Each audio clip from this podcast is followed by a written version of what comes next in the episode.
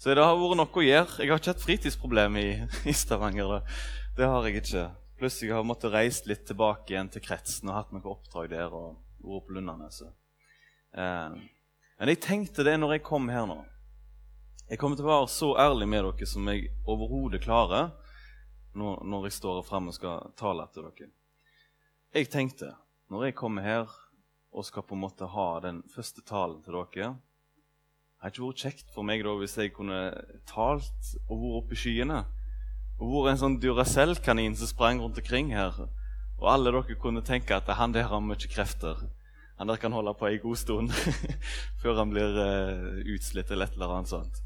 Um, men nå kom jeg her utrolig usikker. Utrolig på en måte, Jeg føler meg helt, helt, helt som tinnsoldatliten. Og så tenker jeg så dumt Så dumt at jeg kommer her og, og liksom Jeg har ikke den der en, Jeg har ikke liksom det der idealet som jeg gjerne skulle kommet med. Hvis jeg skulle lest noen vers til dere nå de versene jeg kjenner meg mest igjen i. Skal jeg lese dem til dere? Det er dette her. Jeg var hos dere i svakhet, i frykt og stor beven. Og min tale og forkynnelse var ikke med overtalende ord fra menneskelig visdom. Men så håper jeg at det blir med ånds- og kraftbevis. Jeg håper det. For menneskelig sett så, så, har, jeg, eh, så har jeg ikke så opp, mye å stille opp med nå. Så jeg må bare stole på Gud jeg har vært borti dette før, altså. Dere må ikke være redde. Som, som taler og forkynner så skjer dette av og til. Men det var dumt det skjedde akkurat i dag, tenkte jeg da. I dag så skulle det liksom vært oppstarten og sånne ting. Greit å gi et godt inntrykk, ikke noe som heter det. Men uh, nå er jeg helt åpen med dere. Det er jo sånn Vi er jo mennesker, skulle jeg si. Men nå skal jeg si dere noe når jeg kom her til.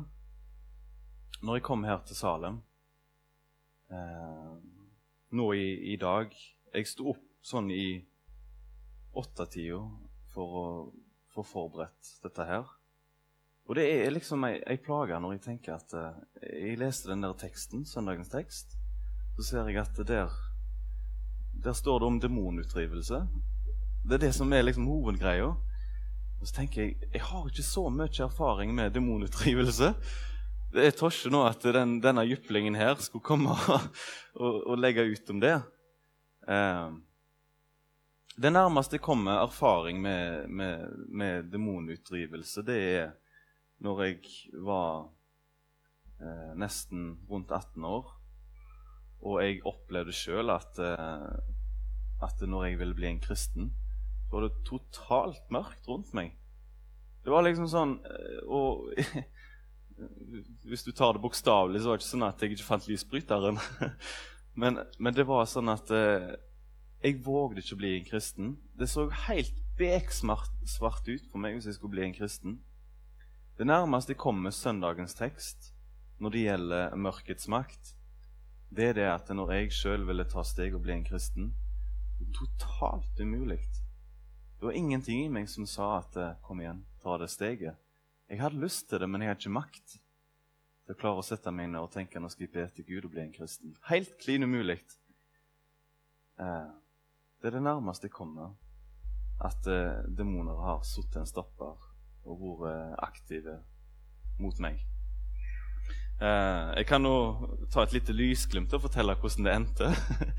For jeg satt ikke der hele tida eh, i mørket. For jeg, heldigvis var det noen som jeg kunne komme til, når jeg gikk på Lundanes, som ba for meg. Det var litt spesielt, for jeg satte meg ned, sånn som i teksten. Jeg var skjelvende, jeg var livredde. Eh, jeg satte meg bare ned med 15 gutter på Lundanes og bare eh, Hva gjør jeg der? tenkte jeg. Jeg får bare be. Så ba jeg en setning om at Gud knus Satans lenker. Og det endte med at de 15 gutter satt og ba for meg i én time.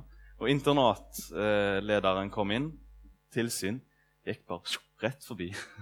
Jeg tror han skjønte at det her holder Gud på å jobbe, så vi lar elevene være etter stengetid. Det går greit, det.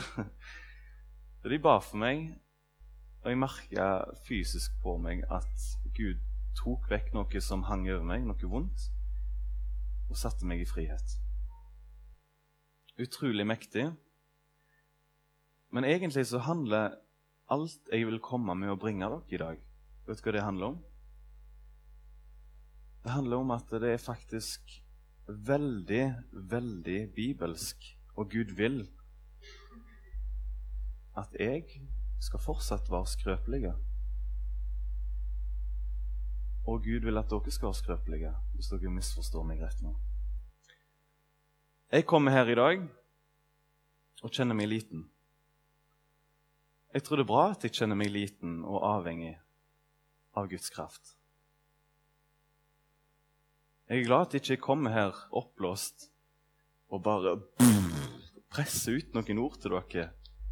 Men jeg er glad at jeg kommer her eh, og er litt knust nå, og veldig åpen for at Gud skal gi oss noe.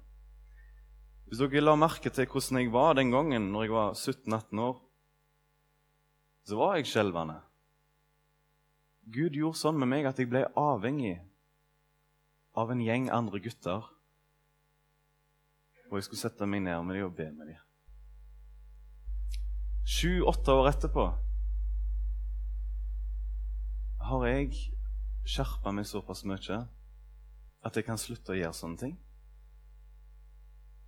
Er det noen her inne som kan rekke opp hånden og si at eh, ja, du klarer deg bedre nå, du, du trenger ikke å bry deg om sånne ting? Jeg tror alle her inne vet at eh, nei, Arnt Magne, fortsett å gjøre det du gjorde den gangen. Og sett deg ned med andre. Vær sårbar. Var avhengig av Gud, var avhengig av et fellesskap.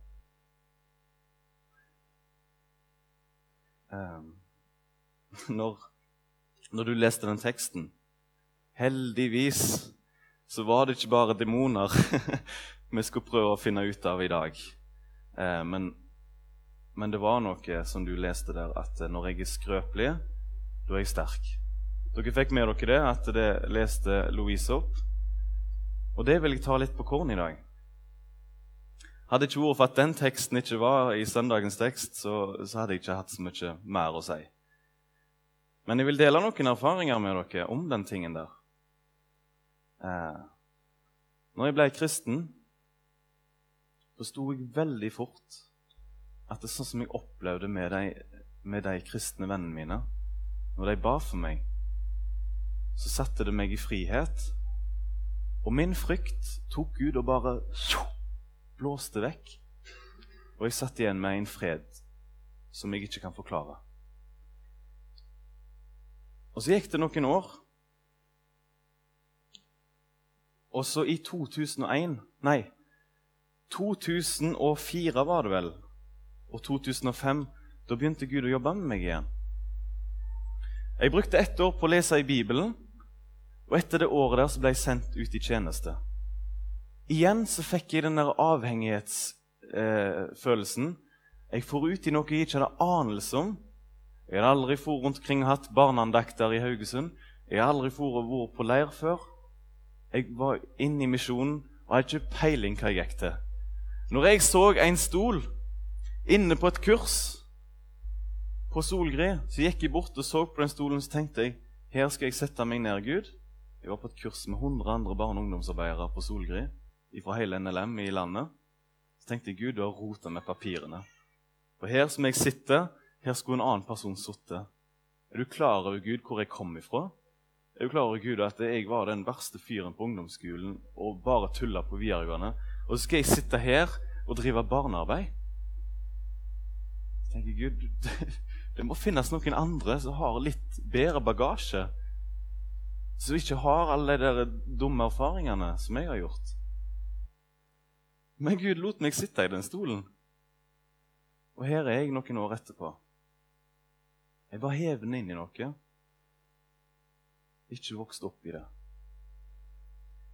Men en ting jeg la merke til etter hvert som jeg begynte å skjønne hvordan barnelag fungerte, etter hvert som jeg begynte å skjønne hvordan møter fungerer, at det, det begynner med 'velkommen' og noen sanger, og etterpå så er det sikkert kaffe. Jeg vet ikke om det skal være kaffe. Ja, det skal være kaffe. etterpå så begynner jeg å skjønne litt kulturen.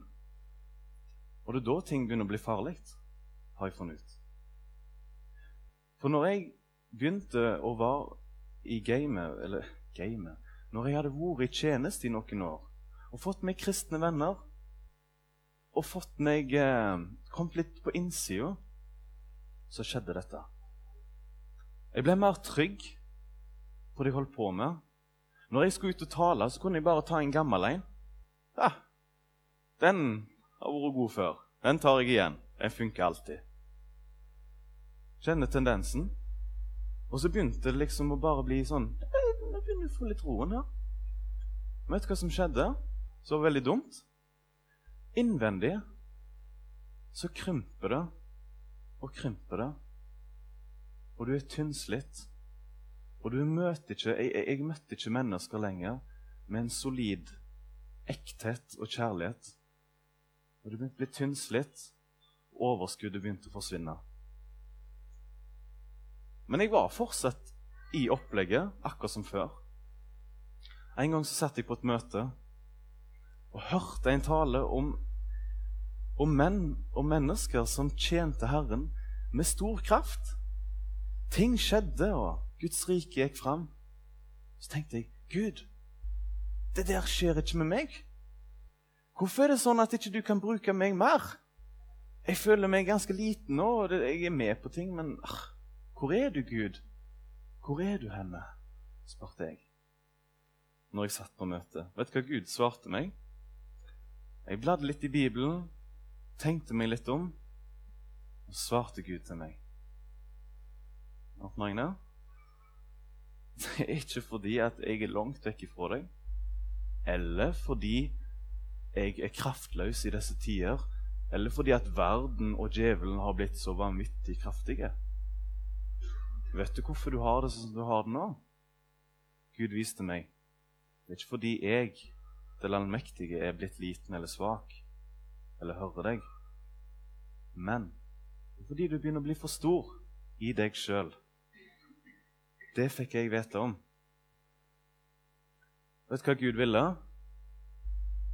Han ville jeg skulle tilbake igjen og bli fornya sånn som jeg var helt til å begynne med. Når jeg forsto det, at jeg er avhengig av Gud Jeg er avhengig av et annet fellesskap. Han vil tilbake til der at jeg forstår at hver dag må jeg bli båret av Gud for i hele tatt komme noen plass. Men etter hvert, når jeg blir så vant med å bli båret, på en måte, så tenker jeg liksom Denne turen her, Gud, kan jeg nå. Jeg har lært meg rute, jeg har lært meg hvordan jeg skal gjøre det nå. Dette fikser jeg. Og jeg bruker mindre tid på bønn. Bruker mindre tid å gå til andre kristne og si at jeg vet ikke hva som er galt nå. Hjelp meg, be, men, be for meg. Det er en del folk på Lundaneset, elever som har blitt kristne i det siste.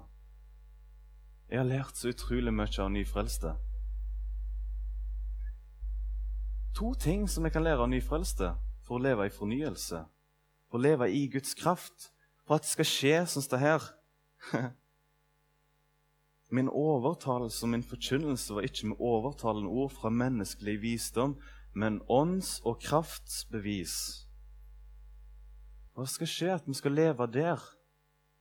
At det er ånds, og at det er kraftig fra himmelen.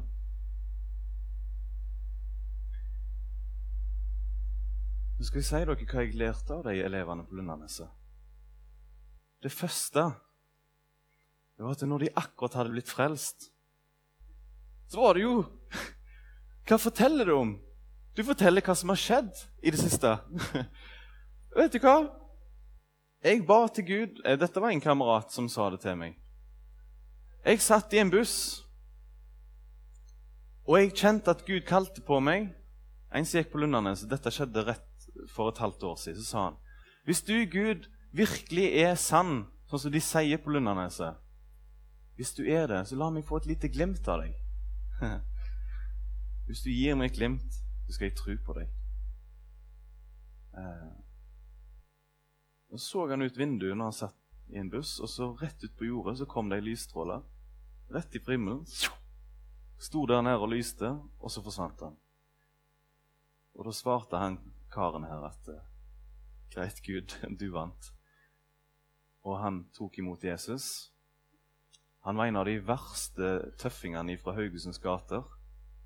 Og hadde en lang vei å gå. Men han kunne ikke la være å snakke om dette her og finne ut av det. Og han, når jeg snakket med han, så var han utrolig åpen om det som hadde skjedd med han. Så nummer én det med nyfrelste de åpner om det de opplever med Gud, for de akkurat har opplevd det. Problemet med, med, oss som har vært kristne lenge, er at vi liksom det er liksom, Vi blir akkurat så vant med det. Jeg, jeg vet ikke hva jeg skal si, men den begeistringen og åpenheten over en som jeg akkurat har møtt Hvorfor skal den begynne å forsvinne? Hvorfor skal det bli avta? Hvorfor kan vi ikke leve i det? Åh, oh, jeg har en venn, jeg som jeg møtte for ti år siden. Jeg har han ennå med meg. Han heter Jesus. Fornyelsen. De levde åpne, disse elevene som tok imot. De var åpne og begeistra. Det er en som redda meg. Men etter ti år eh, Jeg ble kristen for ti år siden. Ja, jeg følger Gud. Hvorfor på en måte synker det egentlig? Er det for vi glemmer hva som har skjedd med oss? egentlig? Er det for vi glemmer hva vi kom ifra? Det står det at eh, Bibelen forteller det at det er våre frukter Kjærlighet, brorskap, utholdenhet Det er frukter som kommer av at vi husker daglig hvem vi renser ifra. At vi husker hva vi egentlig er uten Jesus. Da kommer avhengigheten. Nå må du bare glemme historikken din. Alt du har gjort i kristen tjeneste. Alle møter du har vært på, det hjelper ingenting. Du må huske hva Gud har gjort for deg. Da skal du ikke være uvirksom når du husker hvem Gud er, og hvem du er. Så nummer én en åpenhet om hva som har skjedd med deg. Hvem er du i Jesus? En åpenhet om det. Det er punkt nummer én som jeg har lagt merke til nyfrelste. De forteller hva som har skjedd dem, og hva de er nå. Når du møter mennesker, og jeg møter mennesker, hva sier vi da til dem? Hva er identiteten vår? Hei, jeg heter Arnt Magne. Jeg er eh, 26 år. Skal Ja, jeg Hva begynner vi med? Jeg er norsk. Jeg er Jeg er frelst. Hvorfor kan vi ikke være flinkere der? Hvorfor er ikke jeg flinkere der? Husk hvem du er Jesus og var begeistra for det. Takknemlig. Ting nummer to som jeg legger merke til, så er kanskje den tingen vi skal lære mest av nyfrelste. Vet du hva det er? De har ingenting i deres stolthet. Det er ingenting med de som sier det at det er flaut å be om hjelp nå i lag med andre kristne. Når de akkurat er kommet inn La oss si at det er en fotballspiller som akkurat er blitt rekruttert inn på et fotballag. Alle de andre er tre år eldre enn han, og han er bare en liten miniputt som akkurat er rykket opp. Det er ikke flaut for han å spørre hvordan får du til den kule skruen der. Hvordan klarer du egentlig å gjøre den finte? Vis meg det. Han har ingenting som sier at vi forventer at du skal klare dette her skikkelig bra. Ingen forventer det av en liten miniputt som kommer inn. Jeg, ble, jeg, kom inn på dette fotballaget her for å være med de tøffe, store gutta. Han er åpen og spør om hjelp. Hva skjer med nyfrelst? Han kom inn. 'Jeg er blitt frelst, det er alt jeg vet.' Men jeg vet ikke så mye mer enn det. Jeg trenger hjelp. Jeg trenger at noen lærer meg dette her. Jeg trenger at noen ber meg. Hva skal jeg gjøre med alle mine ikke-kristne venner? Hva skal jeg gjøre med min ikke-kristne familie? Hvordan møter jeg dem? Ingenting flaut om å spørre om hjelp. Men ei dame eller en mann som er 70 år gammel, som har levd i lag med Jesus i 50 år Når den kommer der og sier 'Vil du be for meg, for jeg Nå er det tomt, altså. Nå er det mørkt.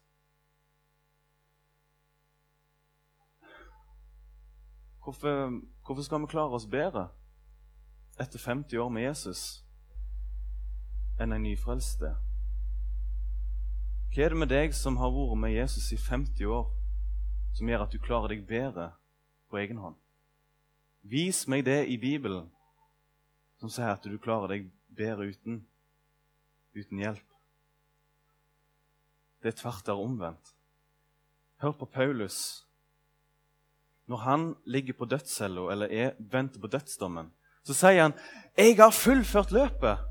Jeg har fullført den gode strid.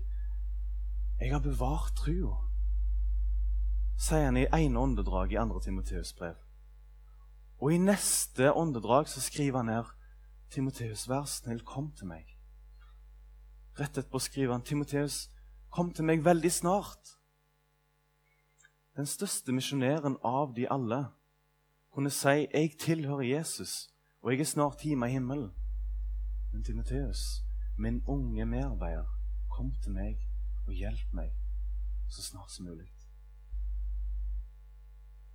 Klarer du å skrive den meldingen eller ta den telefonen til noen, som Paulus gjorde, og si 'Vil du komme til meg i kveld, i dag, fordi jeg trenger noen å snakke med, jeg trenger noen å be med'? Forstår dere hva jeg sier? Jeg vet at dette her er ting som spesielt folk som har vært kristne lengre, sliter med. Det er nesten normalt at det voksne som har vært det lengre, kristne som har vært det lenge, verger seg om å be om hjelp. Verger seg for å være sårbare. Og hvis du leser i Bibelen, så er sårbarhet bra. For det gjør deg avhengig. Trenger Jesus. Og Jesus lever i oss mennesker. Og hvordan skal Jesus få hjelpe deg hvis han lever gjennom andre mennesker? Legemet til Jesus er her. Og hvis du vil komme til Jesus og be om hjelp, så skal du være klar over det at Gud utruster menigheten sin med nådegaver som gjør det sånn at når jeg møter andre mennesker Hvis jeg går ned i forsamlingen her og setter meg ned med noen, så er det som om jeg kan få et møte med Jesus sjøl. Hvis jeg åpner meg, og noen tar imot meg som den jeg er. Er det noen her som vil si at det er løgn? Er det noen her som betviler det, at vi kan møte Jesus gjennom andre mennesker? Ja, vi møter Jesus i lønnkammeret. Han lever i oss. Men for at vi skal bli oppbygd, så står det svart på hvitt at vi må være samla. Hvis det er ett lem som lider, så lider alle med. Hvis det er ett menneske som er utenfor, som aldri våger å åpne seg for noen, så lider hele legemet.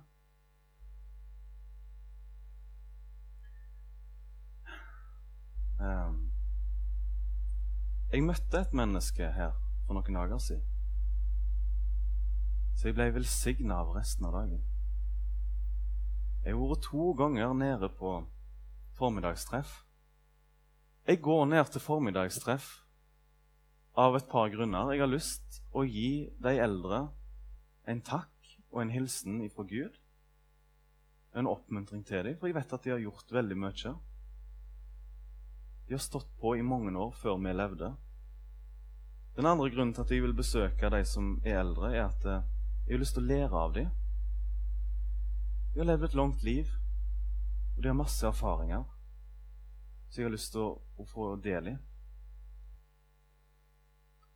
Og så er det en ting til, at jeg håper at de kan gi meg en velsignelse. Men at de ber for meg, at de vet hvem jeg er. At de kan få møte Gud gjennom dem. Og det gjorde jeg nå sist gang jeg var der. Det var ei eldre dame jeg vet ikke om du er her nå. Jeg, jeg er litt spent på det, om, om du er her. Men ta dette som et kompliment hvis du sitter der inne. Og Med en gang jeg skulle til å gå, så kom det ei dame bort til meg, litt skjelven i neven, tok meg i neven og sa til meg at det er han som ikke visste av synd, har Gud gjort til synd for oss, og ved hans sår har vi fått legedom. Hun sa det med litt skjelvende stemme. Og jeg er spent hun er her. Men også sa hun det med en litt sånn Det var ikke alle ordene i verset som kom akkurat rett. Og så sa hun til meg men, men du vet kanskje Du vet kanskje hva som sto der? Men jeg så noe inni øynene hennes. Og når hun hilste på meg og tok meg i neven, husker sier at det var ekte kjærlighet. Og hun måtte ta et steg og gå bort til han der ferske ungdomslederen og gi noe til meg. Hun kunne ikke la være. Og når hun sa det til meg, så var de ordene levende.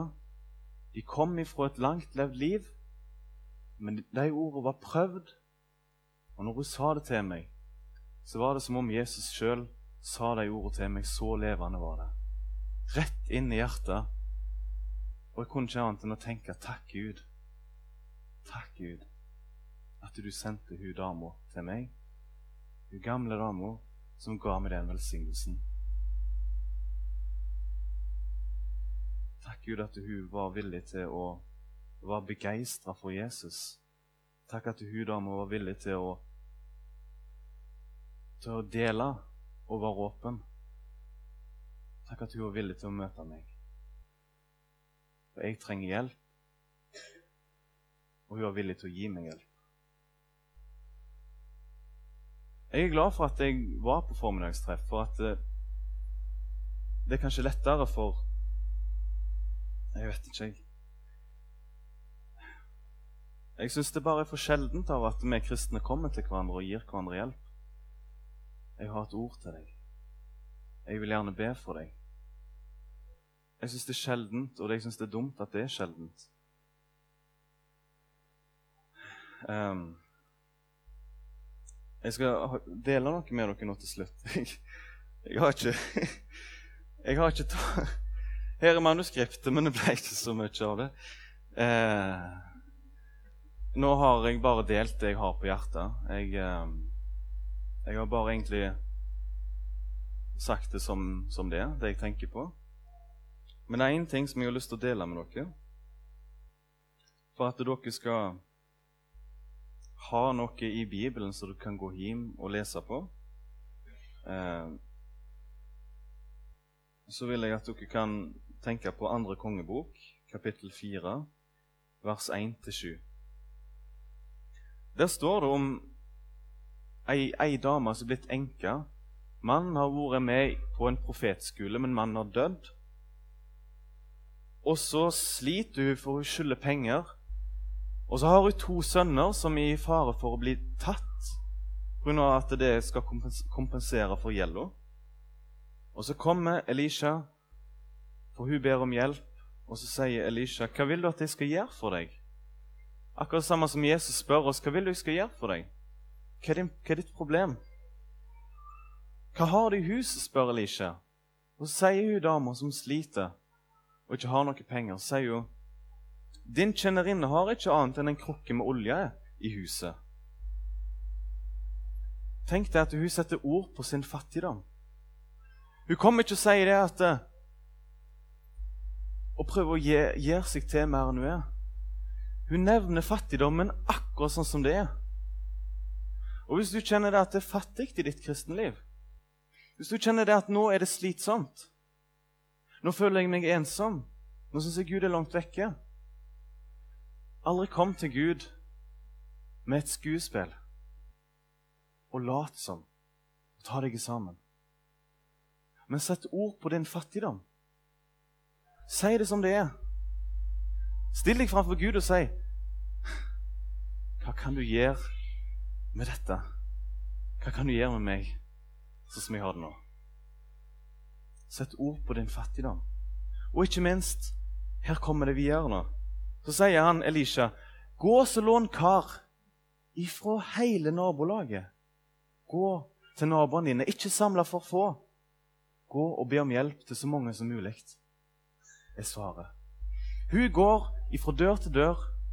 Jeg trenger hjelp. Jeg trenger hjelp av deg òg. Jeg trenger støtte av deg òg. Til slutt så får hun inn alle karene. Hun heller oppi den olja som hun har. Og det går aldri tomt. Men følger det opp, og krukkene renner over. Og så får han, hun beskjed Gå og selg olja, og du skal leve av overfloden. Hva fikk dere høre om nå? Ei dame satte ord på fattigdommen. Sånn har jeg det. Og ei dame som vågde å gå til andre mennesker. Vil du be for meg? Kan vi snakke litt? Grann? Jeg syns det er vanskelig nå med tjenesten, for vi er så få. Er det noen som kan være med meg? Noen som vil hjelpe meg?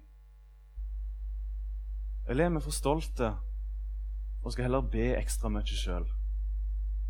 Er for stolt at jeg tenker jeg, jeg kan liksom bare lese litt ekstra sjøl i Bibelen enn å gå til noen andre og spør litt meg fram.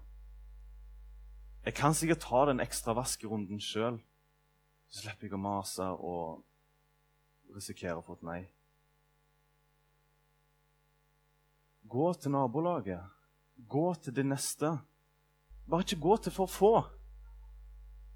Bare ikke hold deg inn forbi den lille gruppa di. Våg å være sårbar i et større fellesskap òg. Og si 'Hei, be for meg og min familie nå.' 'Jeg er sjuk. Kan dere be for meg?' I det øyeblikket jeg og du blir for store i oss sjøl, så tar vi den leirkrukka vår, den som er meninga at det skal være litt ødelagt og litt sprukken, og så tetter vi igjen sprekkene. Og hva skjer når vi tetter igjen sprekkene og skal klare oss sjøl? Vi tett igjen Guds kraft. Og en ting til som er nesten enda verre. Vi får ikke vist hva som bor i oss. Stoltheten tetter igjen vitnesbyrdet om Jesus. Nå har jeg bare talt rett ifra hjertet. Jeg trodde det var meninga at jeg skulle komme her liten og ydmyk. Hadde jeg kommet her stolt og oppblåst, så hadde ikke disse ordene her hatt så stor virkning. Men nå kommer jeg her svak. Jeg satte ord på at jeg sjøl trenger hjelp. Jeg håper at jeg kan gå fram som et, et eksempel at det går an å være liten uten å bli sett ned på. For jeg ser ingen av dere som ser stygt på meg nå. Jeg tror dere tar imot meg. Jeg tror dere syns det er greit at det er lov å være liten, og lov å være avhengig av Gud, og lov å be om hjelp. Så bra. Da er det håp. Nå skal vi be lite grann. Nå har jeg bare sagt det som er på hjertet, og erfaringsmessig så skal jeg ikke si mer enn det. da blir det bare rot. Eh, men eh, ta dette med dere, de enkle punktene. De enkle punktene. For det er vi som gjør det vanskelig. Kjære Jesus.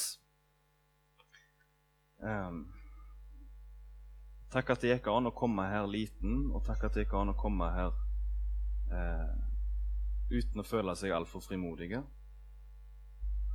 Takk at jeg ble tatt imot av denne forsamlingen her. Og nå satte jeg bare ord på det som jeg lengter etter, det som jeg tror du vil med meg og med oss. At vi som en menighet og forsamling eh, våger å erkjenne at vi er avhengig av deg. Våger å sette ord på hvordan det akkurat er mellom oss og deg, Jesus. Og våge å gå til flere mennesker og si at 'Vil du hjelpe meg? Vil du være med meg? Vil du støtte meg?' For at vi fungerer ikke som dine lemmer og kropp hvis at vi er hver for seg og ikke våger å ta kontakt. Når ett ledd ryker, så ryker veldig mye. Og jeg er redd for at det er mange her som er avsides pga. at eh, vi ikke er nok åpne og sårbare med hverandre og mot hverandre. Så jeg ber om at du sender en ydmykhetsånd over oss. Og send din kraft inn i oss, Herre, sånn at vi blir avhengig av deg. Gå til hver enkelt nå i benkeradene. Og legg hånda på hver enkelt og tal til dem og vis dem hva det neste steget de skal ta i. Og vi trenger deg, og så lenge vi lever, så har vi alltid noe nytt å lære. Gjør oss bare mer avhengig av deg, Herre, jo eldre vi blir, sånn at vi er et godt forbilde for de nye som kommer etter oss, Herre. Så la ditt rike komme, og la din vilje skje, og la dine nådegaver komme iblant oss, Herre, og komme fram synlig. Skap et fellesskap der det er rom for alle sammen, og der det er rom for svakhet og ærlighet, Herre. Amen.